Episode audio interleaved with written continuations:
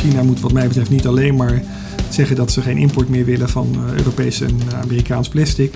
Maar China zal ook na moeten gaan denken over hoe ze in eigen land omgaan met dat plastic. Want daar in ontwikkelingslanden met name zijn natuurlijk heel veel afvalstromen die ook. De, de, de, afvalverwerking staat natuurlijk veel minder goed georganiseerd.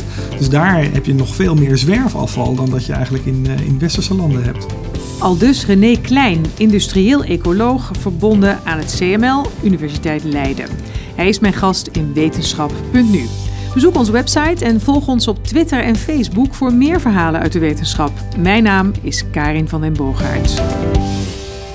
China wil ons plastic en oud papier niet meer recyclen. Vanaf 1 januari 2018 geldt een importverbod op verschillende soorten afval, zoals oud papier en plastic. En daardoor hebben wij in Europa en de Verenigde Staten een groot probleem. De Europese Commissie presenteerde een afvalstrategie die de kunststofvuilnisberg drastisch moet doen slinken. René Klein, industrieel ecoloog, zoals ik al zei. Hartelijk welkom in deze podcast. Dankjewel. Wat is dat, een industrieel ecoloog?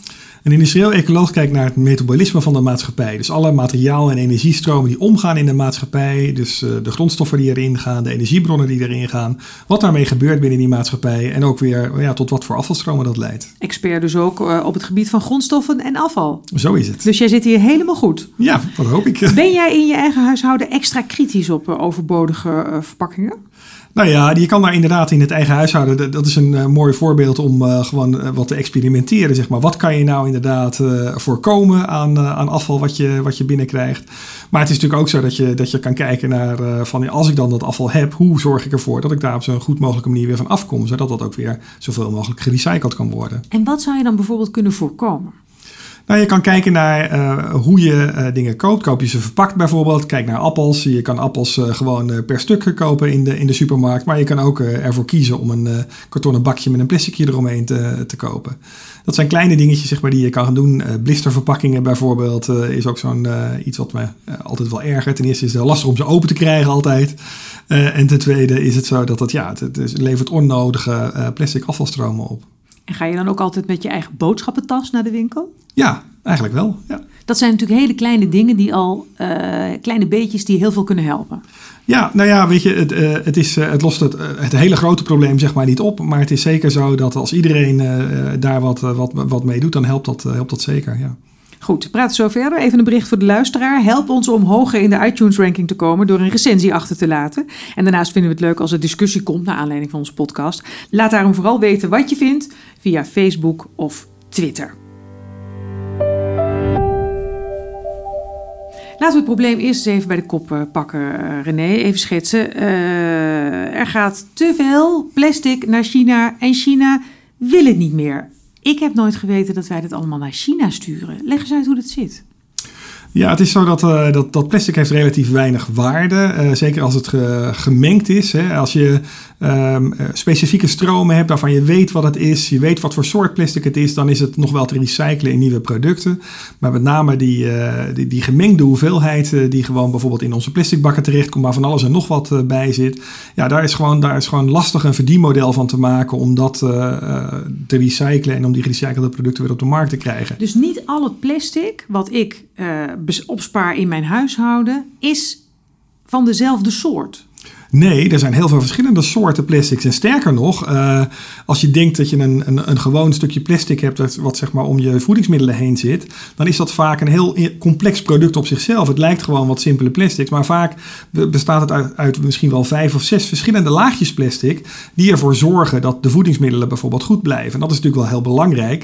En ik denk dat we dat ook niet uit het oog moeten verliezen. Die, hè, met name als het gaat om voedingsmiddelen, die zitten zo verpakt om die voedingsmiddelen langer houdbaar te maken. En uh, als we praten over de milieueffecten van plastics, dan moeten we natuurlijk ook wel erbij in beschouwing nemen dat als je uh, die, die voedingsmiddelen niet zo zou verpakken, dat die veel eerder zouden bederven. En dat levert ook weer zijn, zijn eigen milieuschade op natuurlijk. Dus en het is dat is dus ook weer een probleem wat je weer moet oplossen. Zeker, dus het is wel belangrijk. Dus voor sommige dingen heb je echt plastic nodig. En is plastic een heel goed uh, product, zeg maar, om ook in die zin milieu-impact te, te vermijden.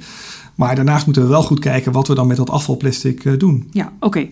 Ik onderbrak je. Heel veel verschillende soorten plastic dus. Maar de bottom line is, we sturen het naar China. Ja, voor een groot deel in ieder geval.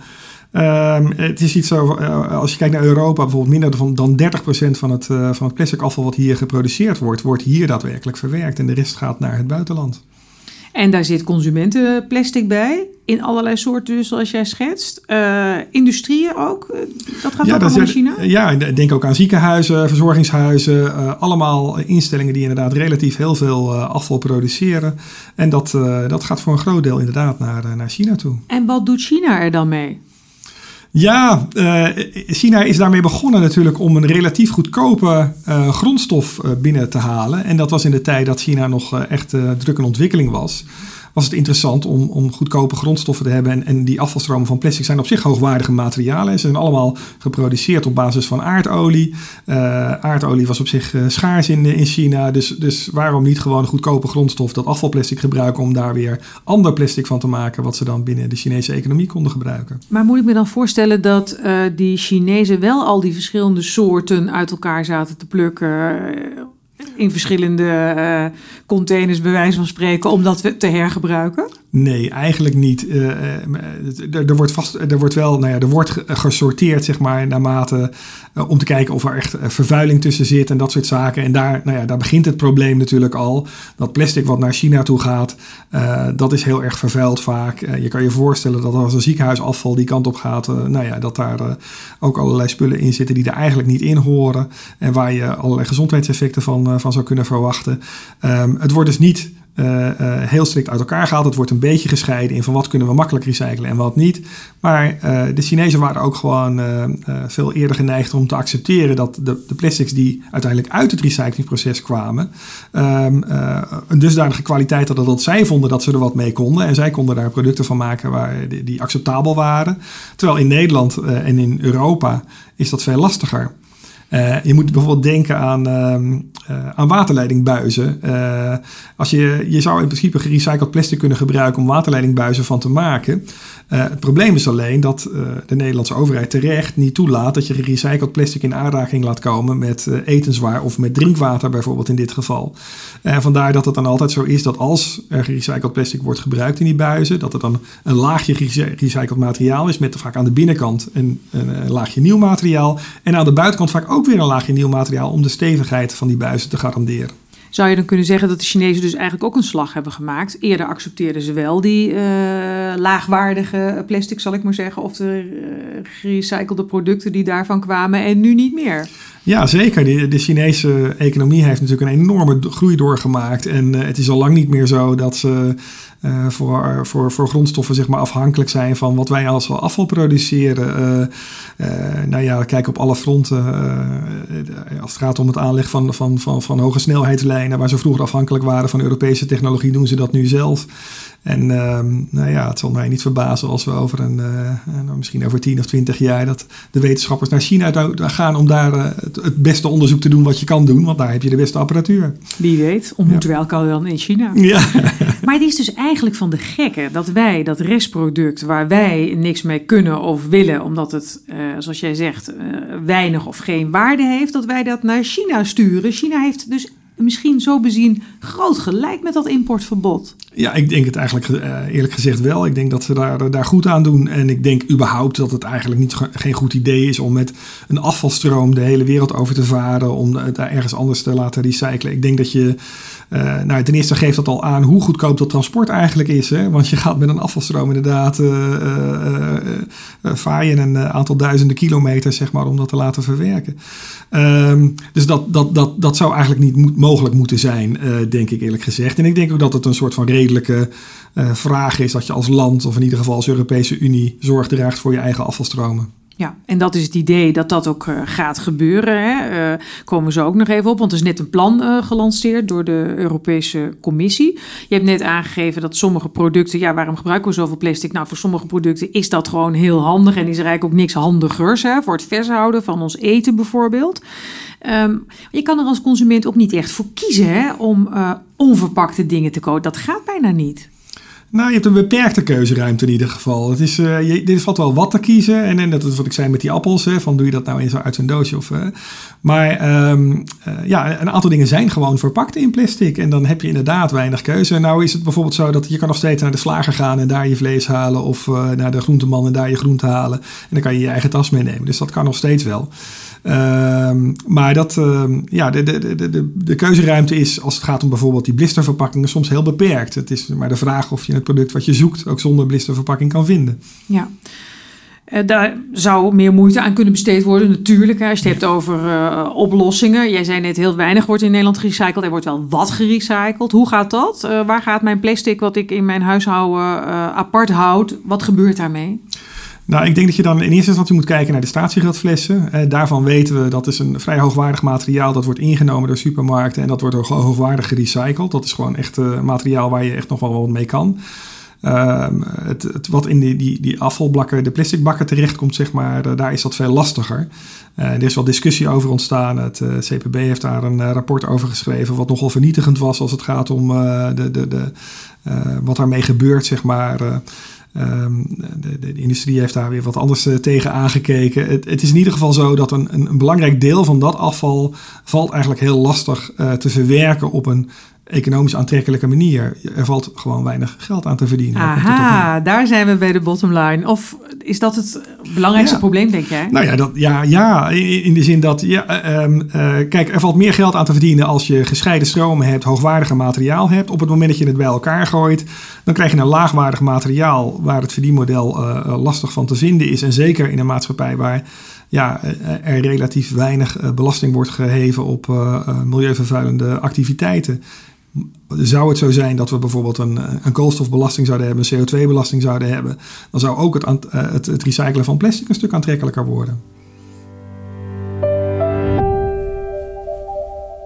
We hebben het probleem geschetst. Uh, René Klein, industrieel ecoloog. Het komt zoals zo vaak toch weer neer op geld. Hoe zou je dit probleem kunnen oplossen? Want als ik jou goed begrijp, uh, is uh, plastic niet één ding, maar ook vaak weer een combinatie van dingen. Het zit hem dus niet in nog meer gescheiden inzamelen, zal ik maar zeggen. Daar vind, dat is de oplossing niet. Nou, eh, gescheiden inzamelen, nog meer gescheiden inzamelen. In de, in de zin van, uh, het, uh, je, moet, je moet het in, in, in uh, meer stukjes scheiden, zeg maar. Dus je moet er, eigenlijk wat je, waar je mee moet beginnen, is de krenten uit de pap halen.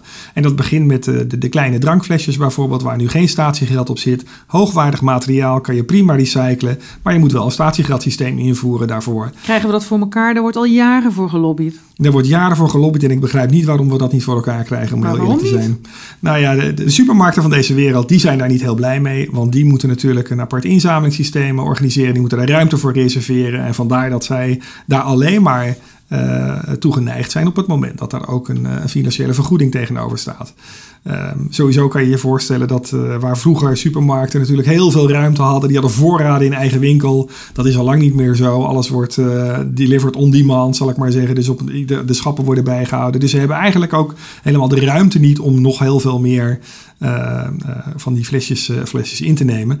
Toch denk ik wel dat daar een deel van de oplossing ligt. Dus de krenten uit de pap halen, ik denk die kleine drinkverpakkingen, maar bijvoorbeeld ook de wasmiddelenverpakkingen. ook vaak plastic, ook hoogwaardig plastic. Die grote flessen. Die grote flessen ja, inderdaad. Hoe en, moet dat dan? Waar en, die, en die doosjes waar die tabs in zitten bijvoorbeeld. Oh ja. Ja, dus die, die kan je prima kan je die weer inleveren. En uh, als je daar gewoon statiegeld op zou doen. En dat hoeft niet eens zoveel te zijn. Mensen zijn al geneigd om met hele kleine bedragen die dingen gewoon vrolijk weer in te leveren. Nee, ik dacht dat je een alternatief had om het wasmiddel iets anders te verpakken. Oh, nee. Jij wil statiegeld op de wasmiddelflessen. Op de wasmiddelflessen, zo is het. Ja, nee. Nee, nee, ja, ja, nee, met je eigen tankje naar de, naar de grote tank gaan om daar je wasmiddel op te halen. Ik denk dat we daar nog, uh, daar zullen we niet meer komen. Dat gaat het niet worden, nee. denk ik. Nee. Dus dat, dat zou een stap in de goede richting zijn. Dat zou zeker een stap in de goede richting zijn. Dus een belangrijk deel, het, de krenten uit de pap halen of, om uh, uh, ja, met statiegeld, uh, om daar weer wat moois van te maken. Ja, ik zei het al, de Europese Commissie heeft een voorstel gedaan. onze eigen Frans Timmermans, die heeft het probleem goed geschetst. Hij heeft ook gezegd, plastic moet een waarde krijgen. Heel anders dan nu. Bedoelt hij hetzelfde als jij, denk je? Dat denk ik wel, ja. Ik denk dat het daar echt om gaat. Van dat het, uh, nu is het inderdaad bijna niks waard. En dus is het ook niet aantrekkelijk, economisch gezien, om, daar, om dat te gaan recyclen. En, en ja, zo werkt dat natuurlijk wel. We, leven in een vrije markteconomie met al zijn voor- en nadelen. Maar je kan hem heel goed voor het goede doel gebruiken in dit, op dit gebied. Want als er een verdienmodel is om dat plastic te recyclen, dan zal het gebeuren. Ja, want plastic Laten we niet vergeten, hè, Boyan Slat is de plastic soep in de oceaan aan het opruimen. Maar het herbergt nog veel grotere problemen. Het uh, kan naar de bodem zakken uh, in nanodeeltjes. En dan is het nu al aangetroffen in uh, dieren. In dieren en eh, zelfs inderdaad in, in embryo's van dieren. Dus het gaat echt heel ver. En dat is, ehm, ehm, ja, dat is wel echt een heel groot probleem. Want het, het, het, het, inderdaad, dat plastic wat we uiteindelijk in de oceanen terechtkomt, dat wordt steeds en steeds kleinere stukjes zeg maar, verdeeld. En die microplastic, zoals dat heet, die komen overal terecht. En, en de gevolgen daarvan, ik denk dat we daar nog maar het topje van de ijsberg van hebben gezien. Dus zo bezien zou je misschien ook kunnen zeggen dat het importverbod van China een soort blessing in disguise is. Dat we er nu over moeten na gaan denken, serieus over na moeten gaan denken hoe we dit uh, probleem gaan tackelen? Ja, dat is denk ik, uh, dat is denk ik zeker zo. Uh, en, uh, niet, niet alleen in de, in de Europese Unie, maar overal op de wereld, zeg maar, zullen we daar op die manier over naar moeten gaan denken. Dus China moet wat mij betreft niet alleen maar zeggen dat ze geen import meer willen van, van Europees en Amerikaans plastic. Maar China zal ook na moeten gaan denken over hoe ze in eigen land omgaan met dat plastic. Want daar, ja, in ontwikkelingslanden met name, zijn natuurlijk heel veel uh, afvalstromen. Die ook, de, de, de, afvalverwerking staat natuurlijk veel minder goed georganiseerd. Dus daar heb je nog veel meer zwerfafval dan dat je eigenlijk in, uh, in westerse landen hebt. Zie jij China op dat gebied ook een slag gaan maken? Want zoals je net ook al zei, hè, China ziet het allemaal wel. En het is natuurlijk een verschrikkelijk groot land voordat je daar iets in gang eh, gezet hebt. Maar ze willen blijkbaar wel. Nou, ik denk dat dat, dat verschrikkelijk groot en, en dat het lang duurt voordat je iets in gang hebt gezet, eigenlijk het tegenovergestelde waar is. Uh, wat je in China ziet, is dat het, uh, als de centrale overheid iets wil, dat het ook vrij snel kan worden uitgevoerd. Want een van de gevolgen bijvoorbeeld van deze, dit verbod zeg maar, op de import van plastics, is dat je ziet dat lokale plastic verwerkers ineens zonder werk zitten. En de Chinese overheid uh, interesseert dat eigenlijk helemaal niet. Dat is gewoon, ja, hoe zeg je dat? collateral damage. dat hoort er nou eenmaal bij. Er zijn verliezers en winnaars als je maatregelen neemt. En, en dat is denk ik iets wat. dus, dus daarom kan, kan, het juist in China heel erg snel gaan met dit soort dingen. Terug naar Nederland dan, terug naar de Europese Unie ook. Frans Timmermans heeft gezegd: Ik wil dat alle plastic verpakkingen in Europa in 2030, dat is dus over 12 jaar al, recyclebaar of herbruikbaar zijn. Ja. Gaat, uh, gaat dat lukken? Nou ja, uh, kijk, in principe is dat het nu ook al. Het is wel herbruikbaar of het is wel uh, recyclebaar. wat ik zeg, het, het, gaat erom, ehm, kan je het zo uit elkaar houden dat er ook een verdienmodel is? Want als dat verdienmodel er niet is, gaat het niet vanzelf gebeuren. Dus dan zul je het of eindeloos moeten subsidiëren. Um, ja, of, of je moet er een soort van echt een, een verbod op zetten. Dat je het niet meer um, mag verbranden of storten of exporteren. Dat is natuurlijk een van de risico's. En nu China natuurlijk heeft gezegd, wij willen het niet, kan het natuurlijk ook best nog wel naar Vietnam of naar Indonesië of naar een ander land gaan die het wel wil hebben. En Engeland heeft al gezegd, dan gaan we het verbranden. Ja, ja en verbranden, nou ja, op zich kan je daar ook best... Um, nou ja, daar kan je genuanceerd over denken. Je kan denken van ja, dat is eigenlijk zonde. Hè? Het is een grondstof met uh, in principe een hoge waarde. Maar als het echt heel laagwaardig plastic is wat vervuild is, uh, dan uh, kan het best zo zijn dat verbranden misschien wel de beste oplossing is. Feitelijk is dat uh, dat plastic wat je hebt, is natuurlijk niets anders dan uh, verwerkt, uh, verwerkte aardolie. En, en, die, en ja, of je nou aardgas of, of, of in die zin verwerkt aardolie zeg maar, gebruikt om je energie, je elektriciteit mee te produceren, dat maakt dan in principe niet zo heel veel uit. Uh, het is wel zo dat de toegevoegde waarde door het productie, productie van het plastic, et cetera, die gaat natuurlijk wel verloren. Dus je moet dat voor, zien te voorkomen. Maar dat je een restfractie overhoudt die zo vervuild is, uh, dat je daar de beste oplossing uh, verbranden is. Ik denk dat dat, dat onontkoombaar is eigenlijk. Jij zegt de magic word, aardolie. We zijn natuurlijk qua energie bezig met allerlei alternatieve energiebronnen, omdat de fossiele brandstoffen uh, op gaan raken. Maar dat raakt dus ook uh, die hele verpakkingsindustrie. Dan moeten we toch wel iets nieuws bedacht hebben. Ja, nou, ja om verschillende redenen. Ik denk, um, het kan natuurlijk zo zijn dat uh, in, in, principe wordt maar minder dan 10% of zo van de aardolie wordt gebruikt om, om kunststoffen van te of andere grondstoffen van te maken, moet ik zeggen. En, en een kleiner deel daarvan nog voor plastics. Dat is wel een groot deel van het kleinere deel, maar toch. Het is dus een relatief klein, klein, kleine hoeveelheid. Op het moment dat wij elektrisch gaan rijden en die aardolie niet meer nodig hebben voor onze auto's. Uh, en op uh, nou ja, ofwel wind, zon of, of kolen of gas gaan, uh, gaan autorijden. Ehm, dan hebben we dat, die aardolie eigenlijk over. Dus het, ik denk niet zozeer dat dat een probleem zal zijn van dat er nou een tekort is aan aardolie voor het produceren van dat plastic. Veel eerder zal het zo zijn dat we dat, die aardolie niet willen gebruiken vanwege het feit dat we niet meer klimaatverandering willen. Dus op het moment dat we aardolie gebruiken om plastic van te maken, dat plastic vervolgens verbranden, brengen we natuurlijk toch weer meer CO2 in de atmosfeer en dat willen we niet. Ik spreek met eh, René Klein, industrieel ecoloog jouw expertise is grondstoffen en de circulaire economie. Als je vanuit jouw vakgebied kijkt naar de toekomst, hè, dat we zoveel mogelijk naar die circulaire economie toe moeten. Hè? Mhm. Hoe kan die verpakkingsindustrie dan leren van wat jij allemaal aan het bestuderen bent? Ik denk dat die eh, verpakkingsindustrie kan leren van eh, eh, wat wij doen met materiaalstroomanalyses en ook met wat wij doen met levenscyclusanalyses van producten. We, met levenscyclusanalyse van producten kijken we naar, ook naar verpakkingsmateriaal kan je kijken van wat is nou het beste verpakkingsmateriaal, hoeveel heb je daarvan nodig, zijn er betere oplossingen. Dus daar kan je al keuzes maken om te komen tot de meest milieu, milieuvriendelijke manier zeg maar, van verpakken. Dus dat is belangrijk. In onze materiaalstroomanalyses, daar zien we eigenlijk wat er allemaal met die afvalstromen gebeurt. Uh, welke stromen worden wel gerecycled, welke stromen worden niet gerecycled. Hoe kunnen we die stromen zo uit elkaar houden dat we zoveel mogelijk, zo hoogwaardig mogelijk kunnen hergebruiken. Ik denk dat dat uh, iets is wat, uh, ja, wat we daarvan kunnen leren. En waar is dan nog een majeure slag te slaan? Ik denk met name als het, uh, als het hierom gaat, denk ik dat het, dat het gaat om het. Om het um, er zijn eigenlijk drie manieren die je kan, kan bedenken. Je kan denken aan, als het gaat om circulaire economie, het zoveel mogelijk circulair maken. Dus het zoveel mogelijk hergebruiken van de afvalstromen. Maar dat is maar één deel eigenlijk. En dat is vaak het deel wat wordt overbelicht. Ander deel is bijvoorbeeld dat je uh, producten langer laat meegaan.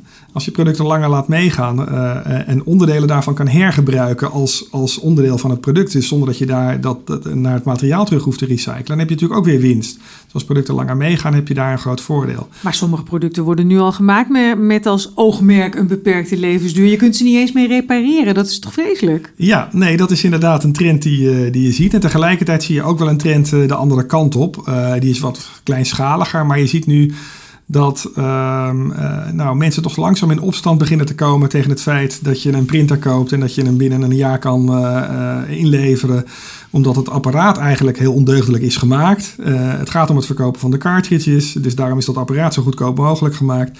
Nou, en dat, dat steekt mensen. En dat, dat, dat, nou ja, dat, daar hoef ik geen wetenschapper voor te zijn. Dat, dat zie ik gewoon in mijn eigen omgeving gebeuren. Um, en um, ja, ik denk dat, uh, dat we ook een. Er is ook een trend zeg maar, van het bezit van het apparaat naar, uh, uh, naar het, het, het, leasen van, van apparaten, het delen van apparaten. Peerby is zo'n mooi voorbeeld, waarbij je dus inderdaad gewoon in de buurt je, je elektronische gereedschap bijvoorbeeld kan delen. Want ja, gemiddeld genomen geloof ik dat een boormachine 12 minuten wordt gebruikt uh, in zijn hele leven. Nou, dat is natuurlijk eigenlijk doodzonde. Dus, uh, dus het, het, is niet alleen maar dat je, dat je aan recycling denkt, maar ook het langer uh, en efficiënter gebruiken van producten. Zeker. En dan nummer drie, want je was aan een opzomming bezig. Ja. en de laatste is eigenlijk gewoon minder materiaal gebruiken voor de producten die we, die we gebruiken. Minder materiaal, minder verpakkingsmateriaal bij het ontwerp al daaraan denken. En dan kom ik, nou ja, die blisterverpakking komt wel heel vaak terug, maar dat is wel dat een ergert je wel ja, bijzonder, dat, ja, dat ergert me enorm. Wat heb je er tegen? Ga eens even lekker uit je dak. Nou, dat begint al met dat je inderdaad uh, uh, zelfs met een schaar zo moeilijk open kan krijgen. en dan nog steeds je vingers zeer doet omdat je nog half hebt open... Nou ja, enfin, je, je, volgens mij herken je het wel. Dat zou nou verboden moeten worden. ja, precies. Dus dat zijn de drie punten waarop jij zou willen eh, focussen. Um, als ik dan uh, terugkeer naar uh, waar we mee begonnen, het plastic, bioplastics. Ja, nou zeker. Uh, bioplastics is denk ik een, uh, een, een, een, oplossing voor een aantal dingen. Ehm, ik denk dat je, er wordt ook wel gesproken van afbreekbare plastics. Bioplastics zijn vaak ook afbreekbaar, maar dat is dan vaak maar weer deels. Dus daar zitten ook wel weer nadelen aan. Maar het feit dat je uiteindelijk geen aardolie gebruikt, maar plantaardig materiaal, dat zorgt er natuurlijk voor dat je in ieder geval qua klimaat redelijk naar de neutrale kant toe gaat. Het is nog niet helemaal neutraal, maar het komt aardig in de richting. Een andere methode waar je aan kan denken en waar het steeds meer aandacht voor is, uh, is uh, om grondstoffen te maken uit CO2. Um, en ja, zolang we nog heel veel aardolie en, en steenkool uh, verbranden, zeg maar, om onze elektriciteit en onze energie te voorzien, is dat eigenlijk niet zo heel erg zinvol. Maar op het moment dat we echt toegaan naar een wereld waarin we echt, uh, uh, laten we zeggen, voor 80, 90 procent duurzame energie gebruiken, ja, dan is dat wel een hele mooie oplossing. Om dan, we moeten sowieso CO2 uit de atmosfeer gaan halen. dus waarom dan niet die CO2 gebruiken om daar weer grondstoffen van te maken? Kijk, dat zijn een paar oplossingsrichtingen. Frans Timmermans had het ook nog over een mentaliteitskwestie. Dat sluit dan denk ik meer aan bij punt 2 wat jij zei. Hè? Uh, meer delen, uh, misschien uh, allemaal een beetje meer ontspullen, hè? consuminderen ja. wellicht. Ja, en ook bewuster consumeren inderdaad. Dus keuzes maken bij de dingen die je koopt. maar ook inderdaad... Um, uh, ja, bewust worden inderdaad van, van die producten die je in je, in je, in je huis hebt liggen. En zorg er maar voor dat die gedeeld kunnen worden. Ja. Uh, voor nieuwe, betere technieken belooft Brussel 100 miljoen extra steun. Nou, daar gaan we wat mee, mee kunnen. Is dat genoeg? Nou, volgens mij, ja, ik, ik, ik denk dat het, uh, dat het moet worden gezien als een, een soort van prikkel om wat dingetjes van de grond te krijgen. Want die 100 miljoen is op zich natuurlijk niet voldoende om echt dit probleem op te lossen. Maar het kan wel een prikkel zijn om bepaalde drempeltjes te slechten, zeg maar uiteindelijk uh, moet het er natuurlijk toch gewoon in zitten dat er een verdienmodel komt. Het moet, moeten die, hè, waar we natuurlijk te vaak tegen die markteconomie in proberen te zwemmen, moeten we juist die markteconomie voor ons karretje spannen. En ervoor zorgen dat die, uh, dat die voor ons gaat werken, de goede kant op gaat werken. Uh, en, en er dus voor zorgt dat plastic recycling, minder gebruik van plastic, delen van producten, dat dat gewoon goedkoper is dan het lineaire model. Het komt toch allemaal weer neer op geld, René? Nou ja, het, ik denk dat we, we leven in een vrije markteconomie. Uh, daar kan je ook voor kiezen om dat niet te doen. Uh, dan hebben we een hele andere uh, discussie, denk ik. er zijn wel, nou in ieder geval, we kunnen ook nog een hele discussie hebben over of groei nou een goed idee is, ja of nee. En wat voor groei dan? Is groei een goed idee, René? Nou, ik denk dat, kijk, eh, groei in termen van energie- en materiaalgebruik, exponentiële groei zoals we dat nu kennen, uh, die kan niet heel lang worden voortgezet. Zo simpel is het. Daarvoor is de planeet te klein en hebben we te veel grote problemen die we dan over ons uh, afroepen. Dus dat zal zeker niet kunnen. Maar niemand is tegen intellectuele groei of groei in de wetenschap. In ieder geval denk ik dat het, dat het belangrijk is om, om die groei en de manier waarop we die meten tegen het licht te houden. En af en toe wat bewuster omgaan met al dat plastic Zeker, ja, op kleine zelf... schaal begint het daar, ja. Precies, ja. maar zoals je zelf zei, soms is het onvermijdelijk. Ja. René Klein, dankjewel voor dit interessante gesprek. Graag gedaan. Vergeet niet uh, je te abonneren op onze podcast. Dat zeg ik tegen onze luisteraars, maar dat mag jij ook gewoon doen natuurlijk. Uh, en laat op social media weten wat je van deze aflevering vond. Verder help ons om hoger in de iTunes ranking te komen door een recensie achter te laten. En daarnaast vinden we het leuk als er discussie komt naar aanleiding van onze content. En laat daarom vooral weten wat je vindt via Facebook of Twitter. Dank voor het luisteren.